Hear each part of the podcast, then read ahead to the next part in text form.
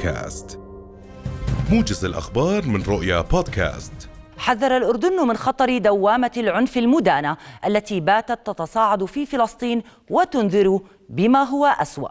الناطق الرسمي باسم وزارة الخارجية وشؤون المغتربين السفير هيثم أبو الفول قال إن تصاعد العنف والتوتر مؤشر خطير وأشار إلى العملية الأخيرة التي وقعت قرب تل أبيب يوم أمس قائلا إن الأردن يدين هذه العملية كما يدين كل أعمال العنف ضد المدنيين.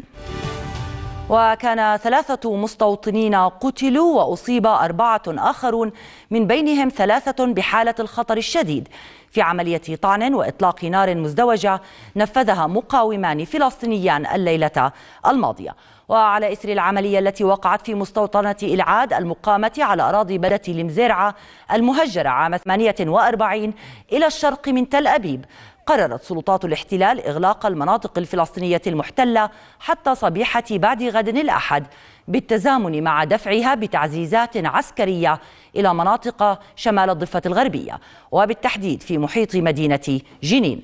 وأعلنت قوات الاحتلال أن منفذي العملية هما شابان فلسطينيان من بلدة رمانة في مدينة جنين.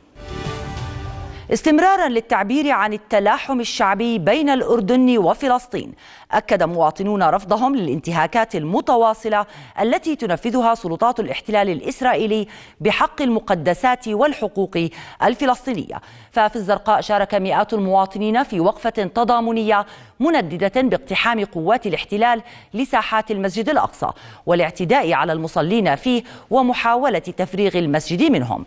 وأكد المشاركون رفضهم لانتهاك قوات الاحتلال حرمة المقدسات الإسلامية مستنكرين الاعتداءات على المسجد الأقصى والمعتكفين فيه. وطالب المشاركون في الوقفة بطرد سفير كيان الاحتلال من عمان واستدعاء السفير الأردني من تل أبيب وإلغاء معاهدة وادي عربة وجميع الاتفاقيات الموقعة مع كيان الاحتلال. ضبطت كوادر بلدية إربد الكبرى عددا من المخالفات في المطاعم والمنشآت التجارية في المحافظة خلال عطلة عيد الفطر السعيد.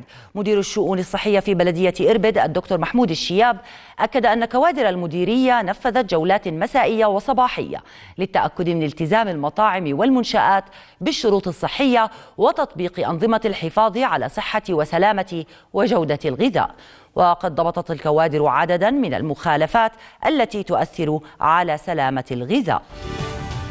في حي الشيخ جراح بمدينة القدس المحتلة لا تتوقف مسيرة صمود الفلسطينيين في مواجهة سلطات الاحتلال التي تتعمد افتعال المشكلات للتنكيل بأهالي الحي الذين ما زالوا تحت وطأة التهديد بإخلاء مساكنهم.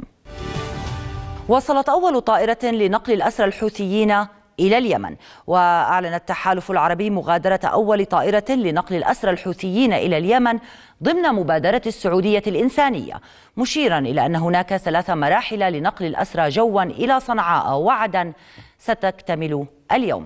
وكان التحالف قال في وقت سابق إنه سيتم إطلاق سراح 163 أسيرا من الحوثيين الذين شاركوا بالعمليات القتالية ضد أراضي السعودية.